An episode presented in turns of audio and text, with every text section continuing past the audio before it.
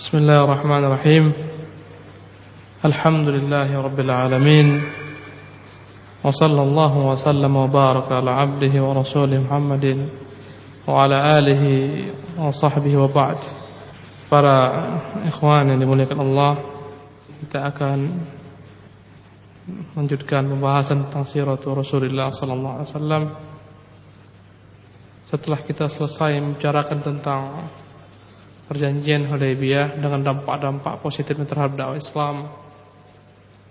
Kemudian juga telah kita jelaskan bahwasanya di antara sekian dampak daripada perang uh, Sulh Hudaybiyah, perjanjian Hudaybiyah, bebasnya dakwah tersebar sehingga Rasulullah memiliki kesempatan untuk menegakkan hujah kepada para raja-raja dunia, mengirim utusan-utusan beliau kepada para penguasa-penguasa maka dilayangkanlah surat kepada para raja-raja dunia kepada Kisra di Persia kepada Muqawqis di Mesir Kaisar di Romawi pada raja-raja daerah Hira, Yaman dan seterusnya.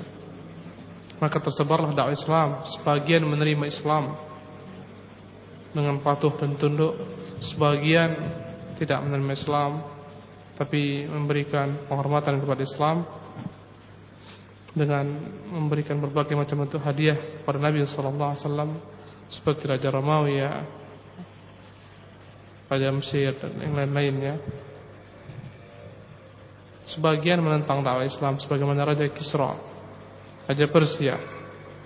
Yang jelas telah sampai ke telinga mereka akan adanya agama ini, agama Islam. Apalagi jika kita melihat betapa Islam telah mengguncangkan raja-raja dunia. Padahal bangsa Arab sebelum Islam Bangsa yang tidak pernah dikenal.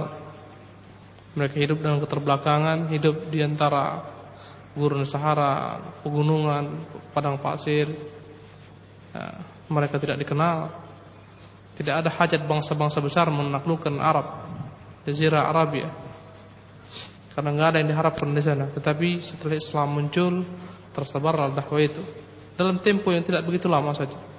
Setelah Rasulullah pindah ke Madinah, subhanallah. Dimulai pada tahun kedua Hijriah, perang Badar, kemudian perang demi perang berjalan, kaum muslimin meraih senantiasa meraih keberuntungan, kejayaan sampai akhirnya pada tahun ke-6 terjadilah perjanjian Hudaybiyah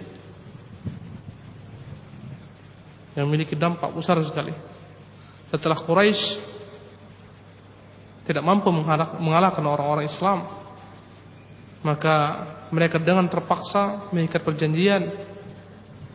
Maka kita kisahkan pada kesempatan yang lampau ya, tinggal beberapa musuh Islam. Yang paling keras Quraisy telah menundukkan diri. Tinggal orang-orang Yahudi yang mereka terusir dari negeri mereka Madinah Yahudi Bani Quraidah, Bani Qainuqa, Bani Nadir terusir. Kemudian orang-orang Ghatafan. Maka selepas perjanjian Hudaybiyah selesai, Rasulullah memusatkan perhatiannya untuk menaklukkan musuh yang kedua, orang-orang Yahudi. Yang juga tidak kalah sengitnya kemarahan mereka, peperangan mereka terhadap kaum muslimin setelah mereka terusir bahkan Bani Quraidah seluruh laki-lakinya dipenggal kepalanya karena berkhianat pengkhianat yang terbesar mereka penjahat-penjahat perang.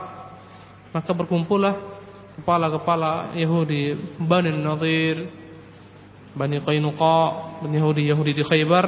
Mereka jadikan Khaybar seperti sebagai markas mereka sebagai tempat mereka untuk membuat makar terhadap kaum muslimin melancarkan serangan-serangan terhadap kaum muslimin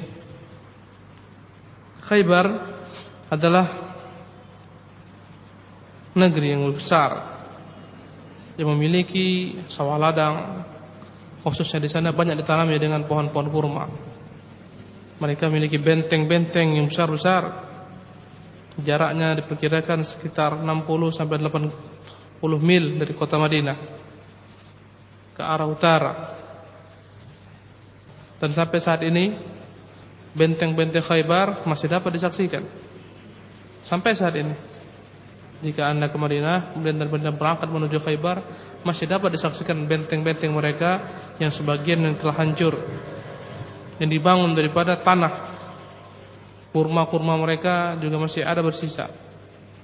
Tetapi benteng-benteng tersebut dipagar dengan pagar, nggak boleh naik ke atas, hanya dapat dilihat dari bawah.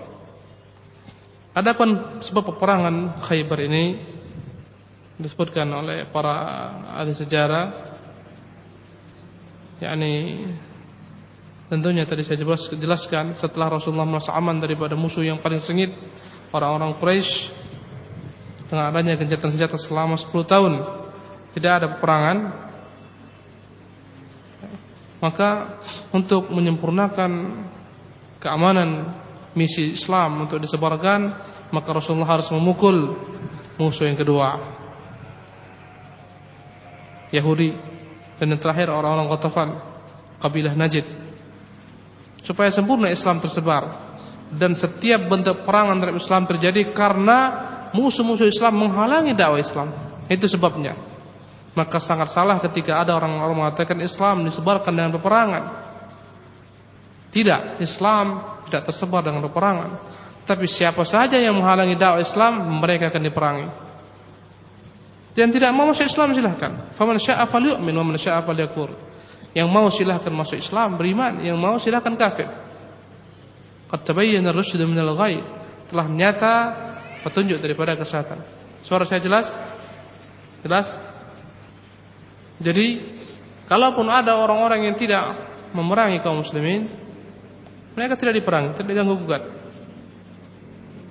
Mereka tidak akan diperangi oleh kaum muslimin. Maka Rasulullah sallallahu alaihi wasallam berupaya untuk melanjutkan misi beliau memukul musuh yang kedua yang juga tidak kalah sengitnya dengan musuh yang pertama orang-orang Yahudi yang tinggal di Khaybar. Karena mereka senantiasa bisa membuat makar tipu daya. Mereka lah yang mengobarkan kebencian di bangsa Arab untuk merangi kaum muslimin Tidakkah kita mengingat kembali pada peperangan Ahzab, peperangan sekutu? Siapa gembongnya? Orang-orang Yahudi. Bani Nadir. Ya. Yang mereka terusir dengan hina karena pengkhianatan mereka.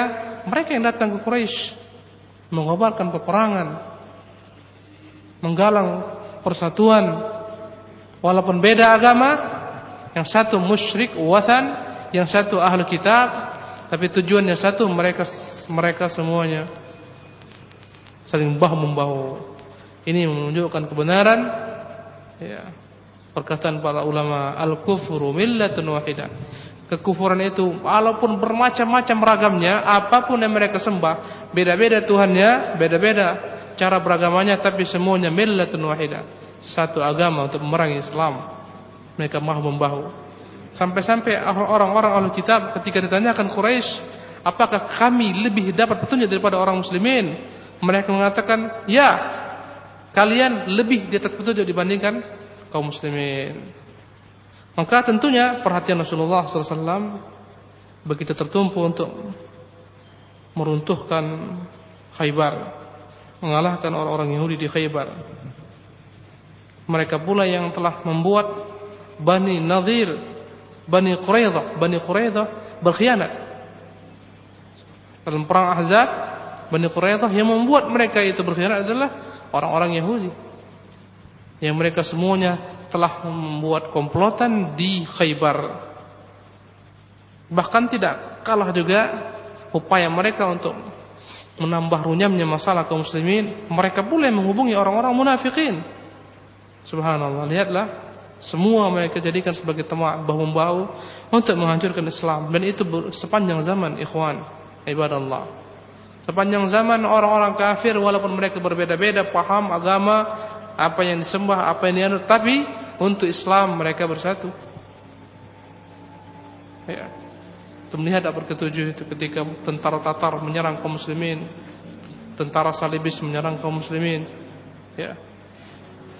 Daerah Samarkand diserang, diduduki oleh Genghis Khan. Sementara daerah Mesir berusaha diluntuhkan oleh orang-orang salib. Mereka bahu membahu satu sama lainnya. Subhanallah. Banyak sekali musuh-musuh Islam. Semua orang-orang kufar adalah musuh bagi kaum muslimin. Apalagi orang-orang Yahudi Nasara. Walan tardu anka al-yahudu walan nasara hatta tattabi'a millatahum. Tidak akan pernah rela kepadamu orang-orang Yahudi maupun Nasara sampai engkau mengikuti agama mereka. Bahkan juga orang-orang Arab perkampungan, orang-orang Badui Yahudi juga yang mengobarkan kebencian mereka kepada Islam. Maka dengan kejahatan mereka inilah yang berkepanjangan memperpayah gerak dakwah Islam, penyebaran Islam. Bahkan mereka sempat ingin menghabisi nyawa Nabi SAW dengan cara tipu daya. Ingin mereka hantamkan batu dari atas tembok untuk menghabisi Rasulullah sallallahu alaihi wasallam.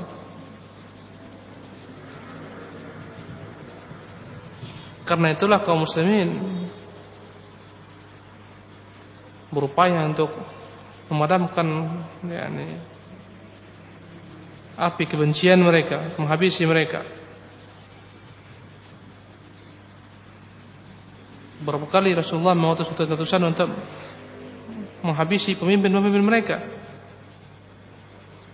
Seperti Salam bin Abi Al-Haqiq, Usair bin Zaram dan lain-lainnya. Kenapa Rasulullah mengakhirkan untuk menyerang orang-orang Yahudi? Kenapa bukan mereka jadikan target pertama? Karena yang paling besar kebenciannya, permusuhannya, kekuatannya adalah orang-orang Quraisy. Maka itu yang harus lebih dahulu kan oleh kaum muslimin. Dan mereka lah barometer bangsa Arab. Kalau Quraisy saja telah tunduk kepada kaum muslimin, apalagi bangsa Arab yang lainnya. Maka Rasulullah pusatkan perhatiannya untuk menundukkan Quraisy Maka tatkala Quraisy melemah, mereka enggak sanggup lagi menghadapi kaum muslimin, barulah Rasulullah pusatkan perhatiannya untuk menumpahkan menumpas orang-orang Yahudi di Khaybar. Berkata Ibnu Ishaq rahimahullah taala setelah Rasulullah pulang ke Madinah selesai perjanjian daripada Hudaybiyah Kemudian beliau bermukim di Madinah pada bulan Dzulhijjah, kemudian sebagian Muharram pada 7 Hijriah. Maka setengah daripada bulan Haram berangkatlah Rasulullah SAW ke Khaybar.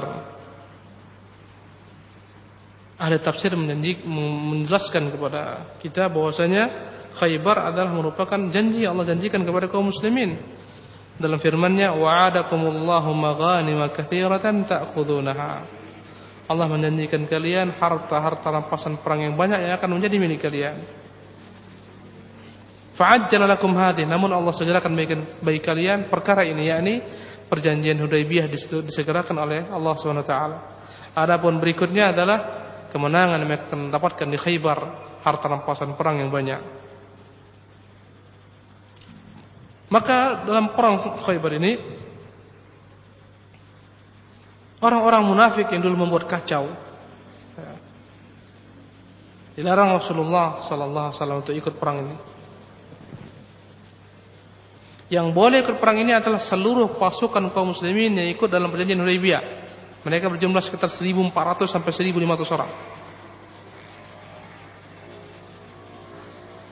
Rasulullah diperintahkan oleh Allah SWT untuk mengatakan kepada orang-orang munafikin dalam surat Al-Fatih ayat 15 sayaqulul mukhallafuna idan talaqtum ila maghanim lita'khudhuha dharuna nattabi'kum akan berkata orang-orang yang tinggalkan ketika kalian berangkat untuk mengambil meraih kemenangan mengambil harta-harta rampasan perang maka mereka akan berkata, "Dzaruna natabi'ukum." Biarkan kami ikut berperang beserta kalian, mengikuti kalian.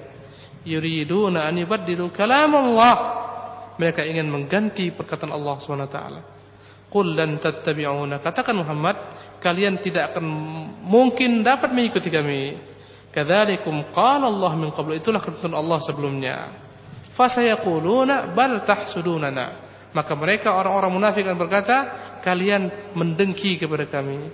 kalian iri kepada kami bal kanu la yafqahuna illa qalila tapi sebenarnya mereka tidak berakal tidaklah mereka paham kecuali sedikit sekali jadi dalam peperangan Khaybar enggak ada orang munafik yang ikut diharamkan mereka ikut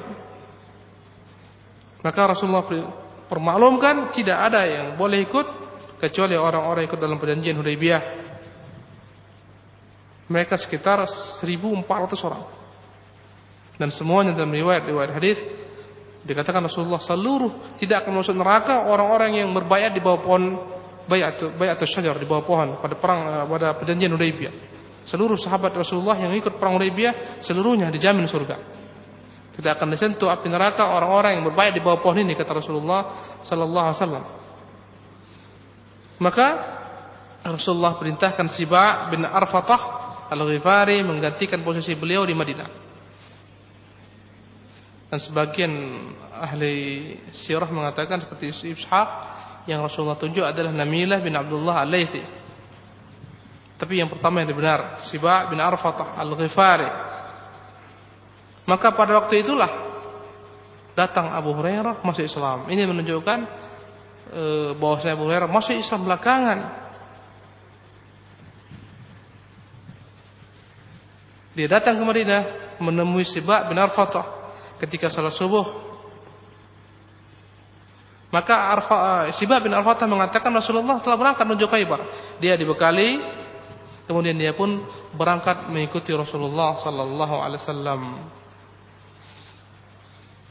Para ikhwan ini dimuliakan oleh Allah taala. Adapun orang-orang munafikun yang senantiasa membuat kacau balau perkara kaum muslimin yang mereka senantiasa bekerja untuk musuh-musuh Islam. Mereka bekerja sebagai mata-mata orang-orang kufar. Senantiasa mereka menyebarkan kelemahan kaum muslimin. Maka dengan cepat mereka mengirim berita kepada Abdullah bin Abi eh, maka Abdullah bin Ubay pemimpin orang munafik segera mengirim surat memberitahukan kepada orang-orang Yahudi Khaybar yang isinya sesungguhnya Muhammad sedang menuju kalian. Maka bersiap-siap kalian menghadapinya.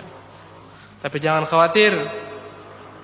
Sesungguhnya bilangan kalian banyak, jumlah kalian besar, senjata kalian lengkap. Adapun Muhammad hanyalah membawa orang-orang segelintir saja, syirzimatun qalilun. Senjata mereka enggak seperti kalian. Dan mereka pun membawa perbekalan yang sedikit saja. Mereka tenangkan orang-orang Yahudi. Maka tatkala orang-orang Yahudi mendengar berita itu, mereka segera mengirim Kinana Ibn Abil Haqiq dan Hawzah bin Qais. Dikirim kedua-duanya minta bantuan ke Ghatafan. Ini musuh yang ketiga terbesar.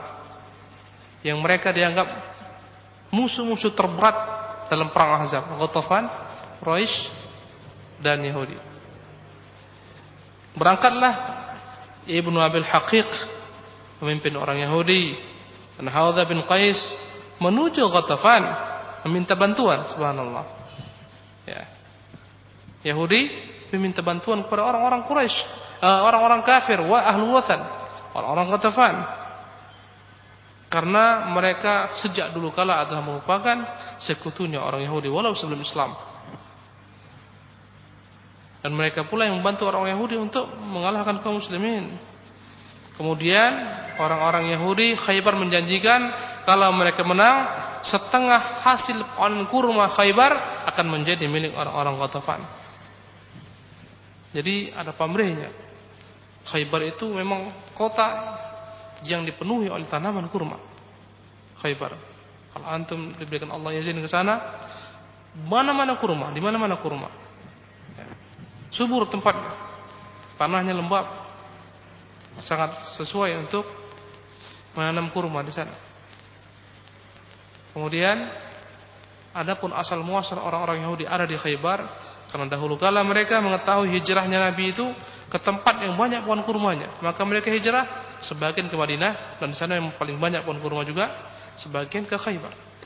untuk menunggu kedatangan Nabi yang terakhir. Makanya telah ada mereka sejak dulu kala sebelum Rasulullah lahir mereka telah ada di sana menunggu kedatangan Nabi yang terakhir.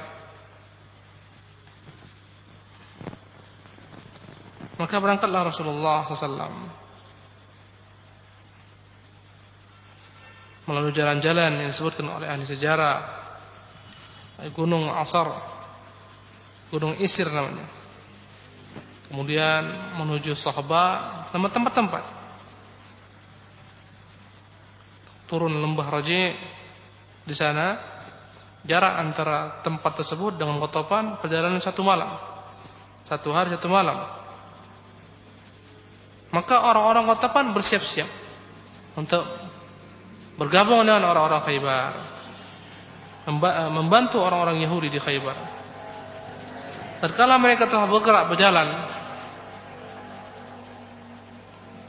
mereka telah berangkat dengan pasukannya mereka mendengar desas-desus gerakan-gerakan. Ya.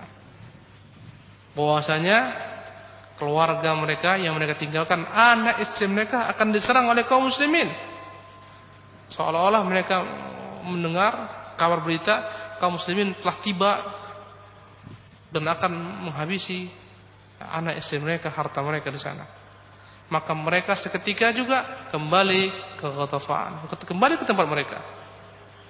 Orang-orang Ghatafan kembali ke tempat mereka, kembali ke kampung mereka.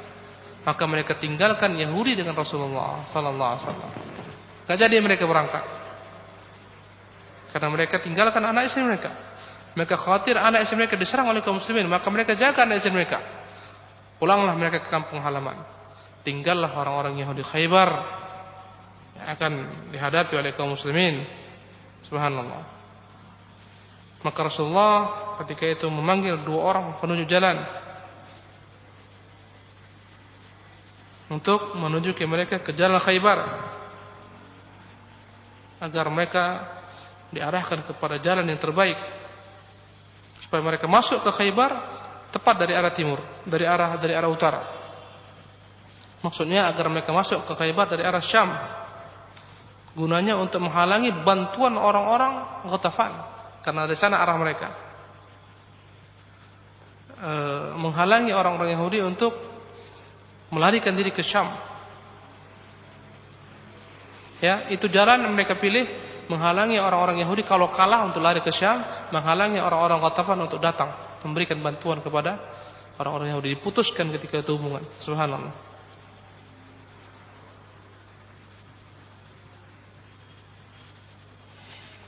Kemudian ketika mereka berjalan, ketemulah mereka situ persimpangan jalan.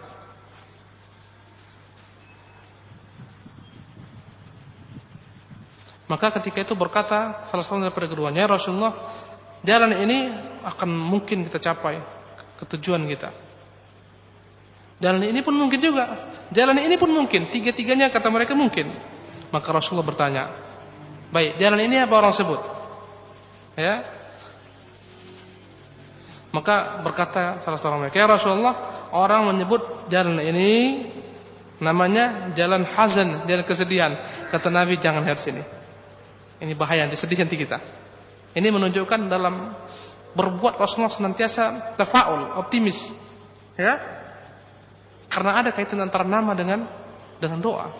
Lihat ketika datang utusan Quraisy, ini orangnya ini tukang tipu, ini pengkhianat. Ini ini orangnya senang e, ibadah penyembelihan, maka banyak-banyak sembelih di, di hadapannya supaya dia ta'zim.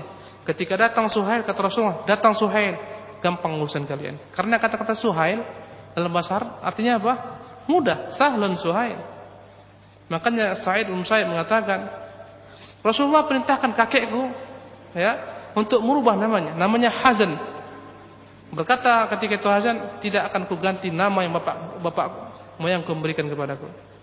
Jadi Hazan disuruh Rasulullah, bapaknya Said Musayyib untuk mengganti namanya. Kata Hazan, kata kata Hazan, tidak ya Rasulullah, aku tidak mengganti nama yang telah diberikan bapakku. Maka berkata Said Musayyib, terus menerus kami dirundung kesedihan. Turun temurun. Ini ini yakni dampak daripada nama. Makanya antum kasih nama yang baik-baik. Ya, Jangan beri nama yang jelek-jelek. Kata mereka ya Rasulullah, ini orang menyebutnya jalannya jalan Hazan. Ah, jangan ikut ini. Bahaya nanti kita. Yang lain, ini Syas. Kata Rasulullah, ini pun enggak baik ini. Ya, Syas. Yang lain, Hatib. Jalan ini apa namanya? Ini Hatib. Ini eh, Hatib itu pengumpul kayu bakar, yang membakar. Ini enggak baik juga. Kemudian satu sisa lagi. Apa namanya ini? Jalan ini disebut marhab. Apa arti marhaban? Selamat. Kata Nabi, ini yang kita tempuh. Subhanallah. Maka mereka pun menempuh jalan itu.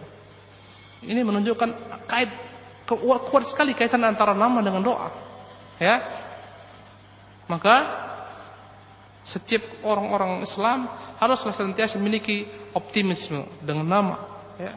Lihat ketika kaum muslimin menaklukkan orang-orang Romawi ya ketika pemimpin kaum muslimin dihinakan oleh orang Romawi ya mereka tertawa-tawa melecehkan kaum muslimin pemimpin eh, melecehkan utusan kaum muslimin pembawa surat ya kepada raja Romawi ya maka salah seorang pengawal diperintahkan raja bawakan untuk mereka kasih tanah ini tanah ketika diberikan tanah itu dia angkut tanah segera dia lari tinggalkan tinggalkan ya, kerajaan tinggalkan istana maka setengah jalan raja menyesal.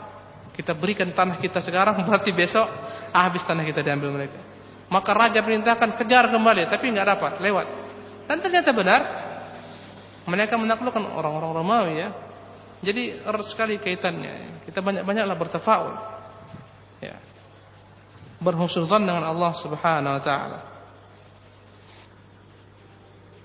Kemudian berjalanlah mereka Berkata Salam bin Aqwa, kami keluar beserta Nabi sallallahu alaihi wasallam menuju Khaybar. Kami berjalan di malam hari, subhanallah. Jalan hari di malam hari mereka pun berjalan. Maka ada yang berkata kepada salah seorang yang bernama Amir, "Wahai Amir, ala tasma' min hunayhatika? Tidakkah kau dengar, dengarkan kepada kami senandungmu?" Ya. Dan Amir adalah seorang penyair. Biasanya Kebiasaan bangsa Arab kalau mereka berjalan ada seorang yang menyuarakan senandung. Hayahdu, yahdu hadwan. Dan biasanya unta, unta itu tertarik dengan senandung seperti itu akan membuat mereka jalan lancar. Subhanallah. Terkadang dengan bait-bait syair yang senandungkan. Makanya Rasulullah SAW berkata kepada Anjasha, Anjasha ini salah seorang yakni yang tukang bersenandung ketika berjalan supaya unta-unta mereka jalan. Eh, apa kata Rasulullah kepada Anjasha? Eh, ruwaidaka ya anjasha rifqan bil qawarir pelan-pelan anjasha kasihan ini perempuan-perempuan ini ya supaya jangan terlampau cepat unta berjalan jangan senandung bisa berjalan cepat unta subhanallah banyak hal-hal yang tidak antum ketahui karena kita hidup dalam zaman yang berbeda. Ya antum nggak tahu unta-unta itu mana. Maka mulailah ketika itu Amir bersenandung. Allahumma laula anta mahtadaina wala tasaddaqna wala sallaina. Ya Allah kalau bukan karena engkau kami tidak akan pernah berpetunjuk. Tidak pula kami akan mampu bersedekah. Tidak pula kami tahu apa itu salat faghfir fida fidaan laka mattaqaina maka ampunilah kami Allah kami tebus diri kami untukmu kami berlindung kepadamu wa tsabbitil aqdama in laqaina Tetapkan kami, tegarkan kami ketika kami berhadapan dengan musuh-musuh kami. Wa alqiyan sakinatan alaina. Berikan kami ketentraman ya Allah dalam hati kami. Inna idza siha bina abaina wa bisyah ya'ulu alaina. Sesungguhnya kami ketika datang musuh-musuh meneriakkan peperangan, kami enggan kecuali menghadapi mereka. Maka ketika Rasulullah mendengar lantunan senandung yakni Amir berkata Rasulullah, "Man hadza sa'iq?" Siapa ini yang mengiring unta-unta ini? Subhanallah. Ini menunjukkan unta-unta itu akan jalan dengan senandung. Dia akan berjalan. Subhanallah. Maka mereka berkata, Amir bin al-Aqwa. Maka Rasulullah berkata, Yarhamuhullah. Semoga Allah merahmatinya. Maka berkata salah seorang daripada kaum muslimin, Wajabat ya Nabi Allah, laula amta'tana bihi Pasti ya Rasulullah akan terjadi itu. Kenapa tidak kau berikan itu kepada kami? Maksudnya apa? Seseorang yang didoakan Rasulullah dalam peperangan pasti dia mati syahid. Maka para sahabat tahu ini akan menemui kesyahidan. Maka mereka iri, "Ya Rasulullah, kenapa tidak kau berikan itu kepada kami?"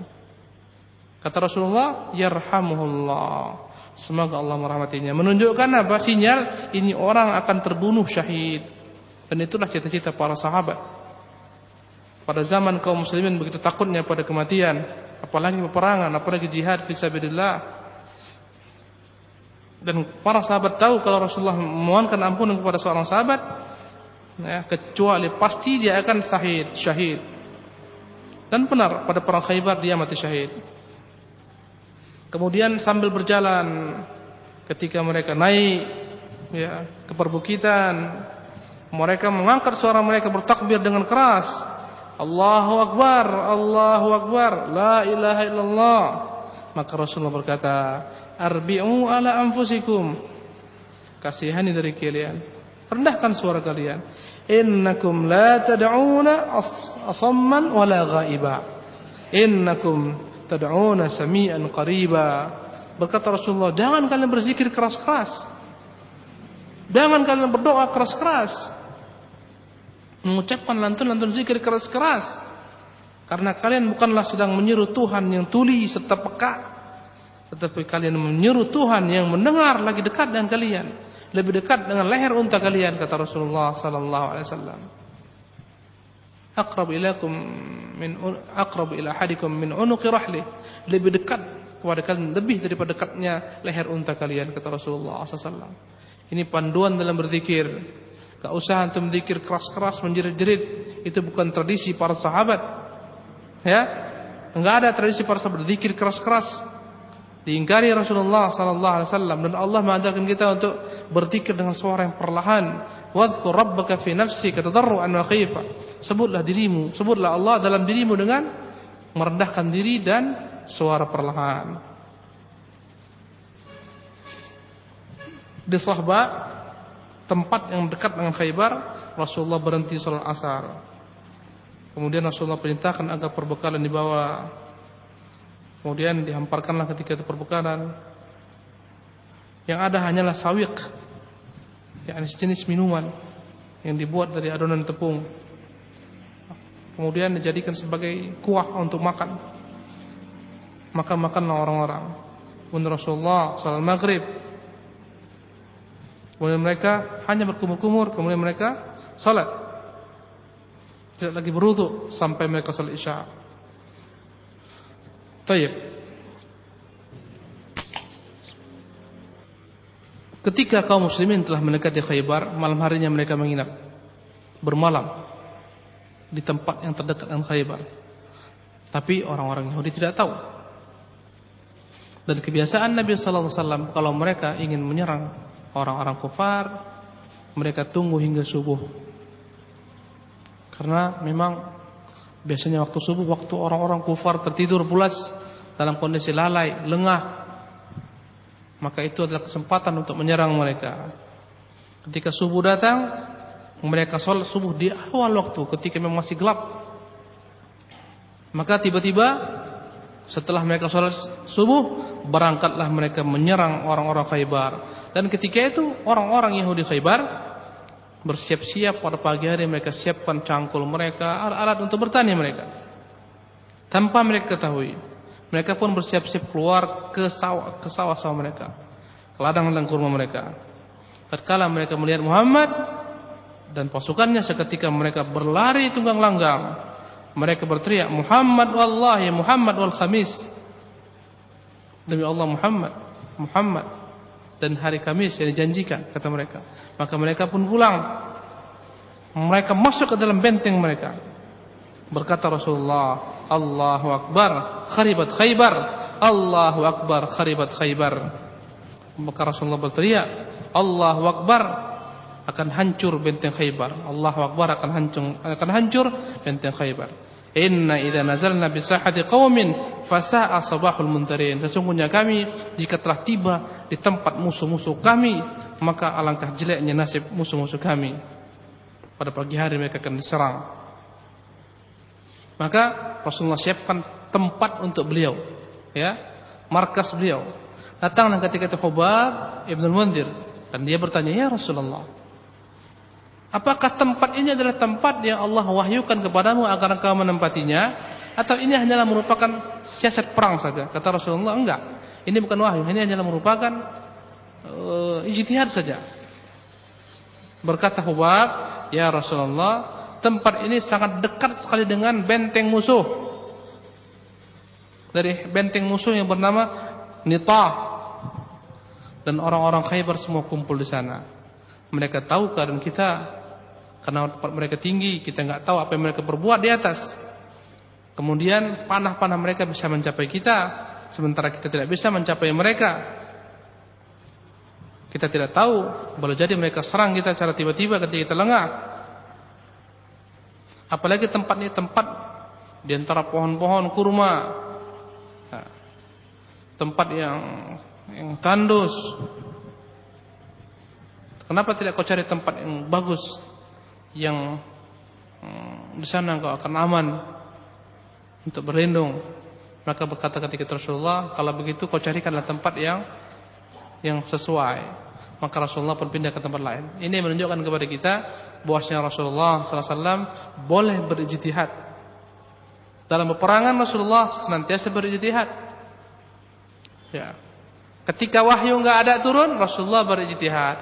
Cuma satu yakni yang tidak dimiliki oleh manusia selain Rasulullah, Rasulullah tidak akan pernah dibiarkan untuk berzikir salah, pasti diingatkan oleh Allah Subhanahu wa taala. Ketika telah mereka dekat di benteng Khaybar, maka ketika Rasulullah menyuruh mereka semuanya berhenti, berhentilah seluruh tentara kaum muslimin. Maka Rasulullah berdoa dan mengucapkan Allahumma rabbas samawati sab' wa ma adlalna wa rabbal aradina sab' wa ma aqlalna wa rabbas syayatin wa ma adlalna فإنا نسألك خير هذه القرية وخير أهلها وخير ما فيها ونعوذ بك من شر هذه القرية وشر أهلها وشر ما فيها أقدموا ببسم الله أقدموا ببسم الله kata Rasulullah sallallahu alaihi wasallam dia ucapkan doa ini doa untuk masuk suatu negeri ya Allah engkaulah Tuhan pemilik langit yang tujuh lapis sebagai pelindung sebagai atap pemilik bumi yang tujuh lapis sebagai permadani yang terhampar. Engkaulah Tuhan syaitan-syaitan sebagai makhluk yang menyesatkan manusia. Kami benar-benar bermohon kepada Allah kebaikan kampung ini kebaikan ahlinya kebaikan yang terdapat di dalamnya. Kami berlindung kepadamu daripada kejelekan negeri ini kejelekan ahlinya dan kejelekan yang terdapat di dalamnya. Maka majulah kalian dengan nama Allah. Aqdimu bi bismillah Majulah kalian dengan menyebut nama Allah Subhanahu wa taala. Pada malam harinya ketika Rasulullah sallallahu alaihi wasallam mengumpulkan para sahabat memberikan kepada mereka wejangan-wejangan berkata Rasulullah la u'tiyanna ar-rayata ghadan rajulan yuhibbullah yuhibbullaha wa rasulahu wa yuhibbuhullahu wa rasuluhu berkata Rasulullah besok yang akan kujadikan pemimpin untuk membawa panji adalah seorang laki-laki yang dia mencintai Allah dan Rasulnya dan Allah dan Rasulnya mencintainya. Ya. Maka pada pagi harinya berkumpul para sahabat dalam riwayat yang sahih dalam dalam Bukhari di antaranya berkata Umar tidak pernah aku bermimpi menjadi pemimpin kecuali malam hari itu. Ya. Kata Rasulullah besok akan ketunjuk salah seorang laki-laki yang akan kuberikan panji. Laki-laki itu ciri-cirinya dia mencintai Allah dan Rasulnya dan Allah mencintai dan Rasulnya mencintainya. Dan akan ditaklukkan khaybar di tangannya. Maka para pada malam hari para sahabat semuanya dalam keadaan tidur berharap semoga saya lah besok dipilih semoga saya lah. Berkata Umar demi Allah aku tidak pernah mengharapkan menjadi pemimpin kecuali malam hari itu. Tapi jangan silap antum jangan khilaf jangan salah yang mereka inginkan bukan karena kepemimpinannya, bukan jabatan pimpinannya, bukan mereka haus pimpinan. Jangan salah antum. Tapi yang mereka harapkan adalah yakni keutamaan pemimpin tersebut. Dia laki-laki yang mencintai Rasulnya, dia laki-laki yang dicintai Allah Rasulnya. Ini yang mereka harapkan. Jadi jangan jadikan sebagai dalil bagi orang-orang yang haus kepemimpinan. Kata mereka Umar aja itu haus haus kekuasaan, demi Allah tidak. Tidak ada sahabat yang haus kekuasaan, tidak Umar, tidak pula Uthman. Bahkan mereka pada menghin, pada, menghin, pada menghindar daripada kekuasaan. Tapi kali itu Mereka mengharapkan keutamaan laki-laki ini. Ya, laki-laki yang dicinta Allah dan Rasulnya. Siapa yang tidak mau? Laki-laki mencinta Allah dan Rasulnya. Di tangannya akan ditaklukkan khaybar. Maka pada pagi hari berkumpullah mereka. Berkata Umar, aku berusaha menampakkan diriku di hadapan Rasulullah sallallahu alaihi wasallam. Ya, sampai Umar itu kakinya diangkat jinjit-jinjit dia supaya nampak dari Rasulullah wasallam. Subhanallah. Kemudian semua mereka berharap agar jadi pemimpin tersebut. Berkata Rasulullah, "Aina Ali? Aina Ali ibn Abi Thalib? Mana Ali ini?" Padahal Ali nggak tahu itu. Ali nggak tahu bicara Rasulullah tadi malam. Dia nggak tahu dia. Karena dia ketika itu kena penyakit, matanya kena. Ya. Terkena uh, penyakit di matanya. Dia mengadu kesakitan, jadi dia tidak hadir ketika itu. Enggak ada ahli berambisi jadi pemimpin, subhanallah. Makanya yang terlihat dalam kitab Tauhid ketika menjelaskan hadis ini Syekh uh, Muhammad bin Wahab menjelaskan di antara faedahnya bahwa terkadang seorang memiliki ambisi tapi dia enggak dapat. Yang tidak punya ambisi dia yang dapat. Dan itu selalu terjadi dalam kehidupan kita. Antum ambisi ingin mencapai suatu sesuatu perkara gagal. Antum yang tenang-tenang enggak punya ambisi dapat. Lihatlah Umar, ambisi dia. Ali enggak punya ambisi, Ali yang dipanggil. Subhanallah. Banyak antum itu. Kita banyak punya ambisi keras untuk mencapai suatu usaha, mencapai suatu target, mendapatkan sesuatu yang kita inginkan. Ambisi, enggak dapat. Tapi tenang-tenang, kita nggak pernah mengharapkan, nggak pernah terpikirkan, datang dia. Subhanallah. Ini menunjukkan manusia itu makhluk yang mudabbar bukan mudabbir. Dia itu diatur Allah. Di bawah kekuasaan Allah, bukan dia yang mengatur. Maka mereka berkata, "Ya Rasulullah, huwa yashtaki ainai." Dia sedang uh, mengeluh tentang matanya Rasulullah. Maka diutuslah seorang memanggil Ali.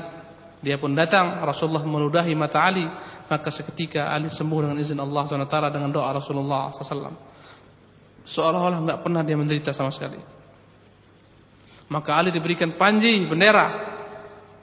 Berkata ketika itu Rasulullah bertanya ketika itu Ali, "Ya Rasulullah, uqatiluhum hatta yakunu mithlana?" Apakah aku perangi mereka supaya mereka sampai mereka menjadi seperti kami, menjadi orang-orang Islam seperti kami? Ya. Maka Rasulullah berkata, "Unfud ala rislik wa Ali, kau tahan sejenak hatta tanzila bisahatihim."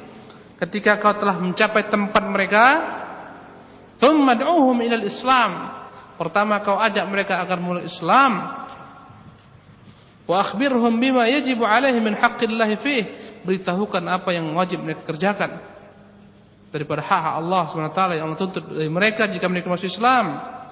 Fa wallahi la an yahdiyallahu bika rajulan wahidan khairun laka min an yakuna laka humurun na'am.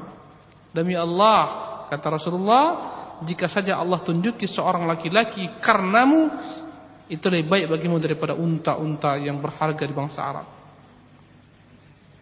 Kemudian ikhwani rahimakumullah, Khaybar itu negeri Khaybar terjadi dibagi menjadi dua bagian. Ya. Menjadi dua bagian, dibagi menjadi dua bagian. Setengah bagian terdapat dalamnya lima benteng. Ya, setengah lagi tiga benteng, jadi semuanya berjumlah delapan benteng. Ya, yang setengah pertama nama benteng-bentengnya, benteng yang pertama dapatnya namanya benteng Naim. Kemudian benteng Sa'ab bin Mu'az benteng benteng Qal'ah Zubair, benteng Ubay, benteng An-Nizar. Ini bagian yang pertama. Adapun tiga benteng di daerah yang kedua, ya, berada di tempat daerah yang disebut dengan nama Nita. E, kelima benteng ini terletak di daerah yang disebut dengan nama An-Nita. Adapun tiga benteng yang terakhir terdapat dalam tempat atau dalam daerah yang bernama Ashaq. Adapun tiga benteng ini, tiga benteng pada tempat yang kedua, pada tempat disebut dengan Ashaq, nama bentengnya adalah benteng Al-Qamus, benteng Watih dan benteng As-Salalim. Inilah dia delapan benteng yang akan ditaklukkan oleh kaum muslimin. Banyak benteng-benteng, antum lihat ya sampai sekarang banyak benteng-benteng di sana. Mereka buat, mereka sekat-sekat. Kalau anda kata benteng ini berhasil dimusnahkan kaum muslimin, mereka lari buat pintu lagi masuk kepada benteng yang kedua. Strategi sekali. Kalau anda kata di benteng kedua berhasil dimusnahkan kaum muslimin, mereka lari kepada benteng ketiga dan selanjutnya. Strategi sekali. Dalam itu mereka sebut siapkan tempat-tempat penyimpanan makanan dan seterusnya. Ya. Memang, memang mereka ahli sekali untuk buat benteng. Mereka telah siapkan untuk menjaga-jaga. Dan nanti melihat biasanya eh, kekuasaan-kekuasaan para raja-raja dahulu kala mereka setiap istana itu berbentuk benteng. Untuk melihat ketika kaum muslimin menaklukkan e, Konstantinopel pada masa pemerintahan Muhammad Sultan Al-Fatih, bentengnya itu seluruh negeri Konstantinopel dipagari dengan benteng, benteng yang tinggi sekali. Ya. Kemudian bentengnya dibuat kokoh. Kemudian sebelum benteng dibuat lagi sungai. Dari sisi lain dari laut mereka buat rantai besi. Itu semua upaya untuk menjaga mereka daripada musuh-musuh. Kemudian lihat lagi ketika kaum muslimin e, menaklukkan negeri-negeri kufar e, di antaranya ketika apa namanya Pokoknya antum akan ketahui sejarah-sejarah dan sampai sekarang para raja-raja dulu kala mereka berupaya mengamankan daerahnya dengan membuat benteng-benteng. Itu pula yang dibuat oleh orang-orang Yahudi. Khaybar.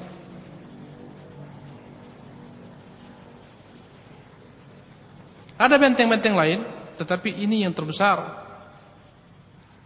Yang terkuat, tempatnya posisinya tinggi. Mereka buat di tempat yang tinggi. Dan peperangan yang berkecamuk akan terjadi pada benteng daerah yang pertama.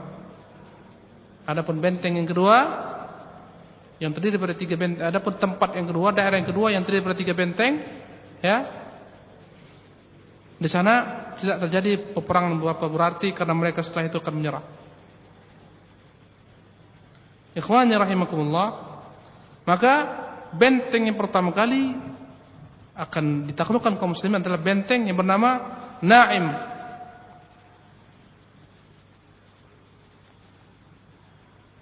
Ini adalah merupakan benteng yang sangat strategi tempatnya. Benteng yang memang di sana disiapkan para pahlawan-pahlawan Yahudi, para pemberani mereka. Orang-orang kuat mereka di sana disiapkan. Orang-orang yang satu orang bagikan seribu. Subhanallah. Ya. Ada orang-orang yang satu orang bagikan seribu. Satu orang yakni prajurit tapi mampu mengalahkan seribu prajurit. Itulah kekuatannya. Di situ dikumpulkan. Keluar Ali bin Abi Thalib menuju benteng ini. Maka Ali memenuhi pesan Rasulullah. Mereka disuruh agar masuk Islam. Mereka menolak Islam. Bahkan Mereka malah menentang untuk perang tanding. Allah Akbar. Berkata Salam bin Aqwa, tatkala kami sampai ke Khaybar, keluarlah ketika itu salah seorang dari Yahudi. Pemimpin orang Yahudi. Namanya Marhab. Dengan pedang terhunusnya. Dia bacakan syair-syair yang membuat panas orang-orang Islam. Qad alimat Khaybar anni murahib, namanya murahib. Yang marhab. Syakir silah batal mujarrad. Khaybar telah benar-benar mengetahui siapa aku. Akulah murahib, pahlawan Khaybar yang telah teruji kepahlawanannya. Idzal hurubu aqbalat talhab. Andai kata perangan berkecamuk, maka akulah pahlawannya.